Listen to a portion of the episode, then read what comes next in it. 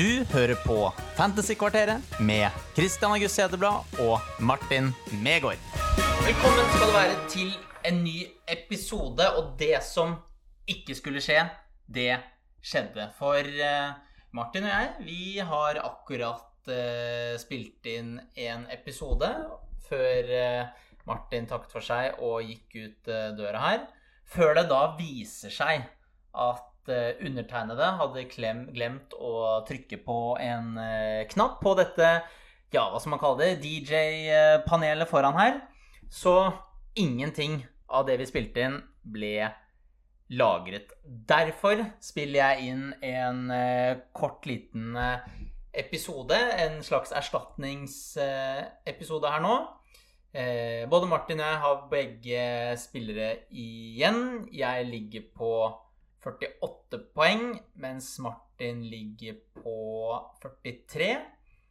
Han har igjen eh, Shaw, Trippier, Rashford, Fernandes men, og Pope i mål, så det er faktisk fem mann. Mens jeg har igjen Trippier, Botman og Harry Kane. En liten rød pil på oss begge, men forhåpentligvis vil jo de spillerne få oss over på den grønne siden. Den kommende runden er en eh, svær dobbel. Jeg valgte da å spare mitt free hit i eh, blank eh, 32, der mange valgte å aktivere sitt. Slik det ser ut, så skal det litt til for at jeg tar igjen det. Martin dro bl.a. drøye 40 poeng fra meg i eh, blank-runden 32. Men eh, jeg valgte, nå, eh, valgte å gjøre som jeg gjorde, og nå må jeg jo si at eh, free hit-laget ser bra ut. Jeg står i en 4-4-2-formasjon akkurat nå, med Steele i mål, Dalot, Stones, Trent og Estupinian bak. De fire på midten er Rashford, Salah, De Bruyne og March. På topp Erling Braut Haaland og Diogo Yota. Og benken er det ikke noe vits å gå gjennom. Den er skvist eh, pengemessig.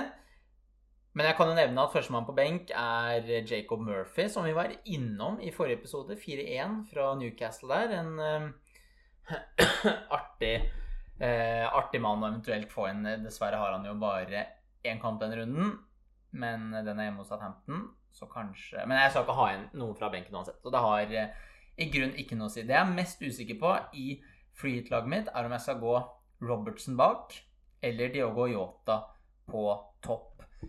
Eh, Jeg tenker at minuttene til Robertson er sikrere enn Yota sine, men så tenker jeg at Yota har et litt høyere tak. Derfor tror jeg at jeg kommer til å gå Yota. Eh, March istedenfor Mitoma, det er pga. penger. Jeg har 0-1 i banken sånn det står seg nå.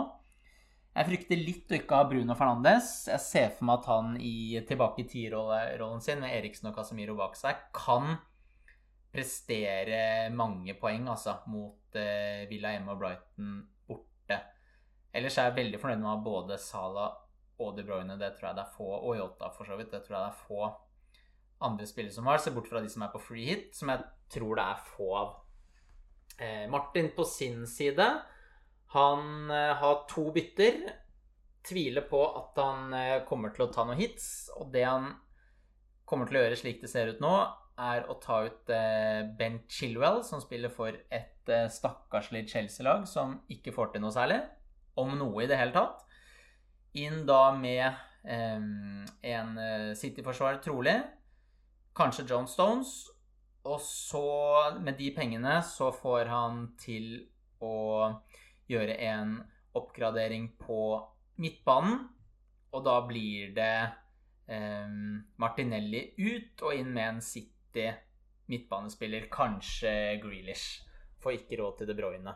Så ser han an eh, en eh, flagget Bruno Fernandes, da. Er jo gul nå. Får se kveldens kamp torsdag mot Tottenham. Om portugiseren er med eller ikke.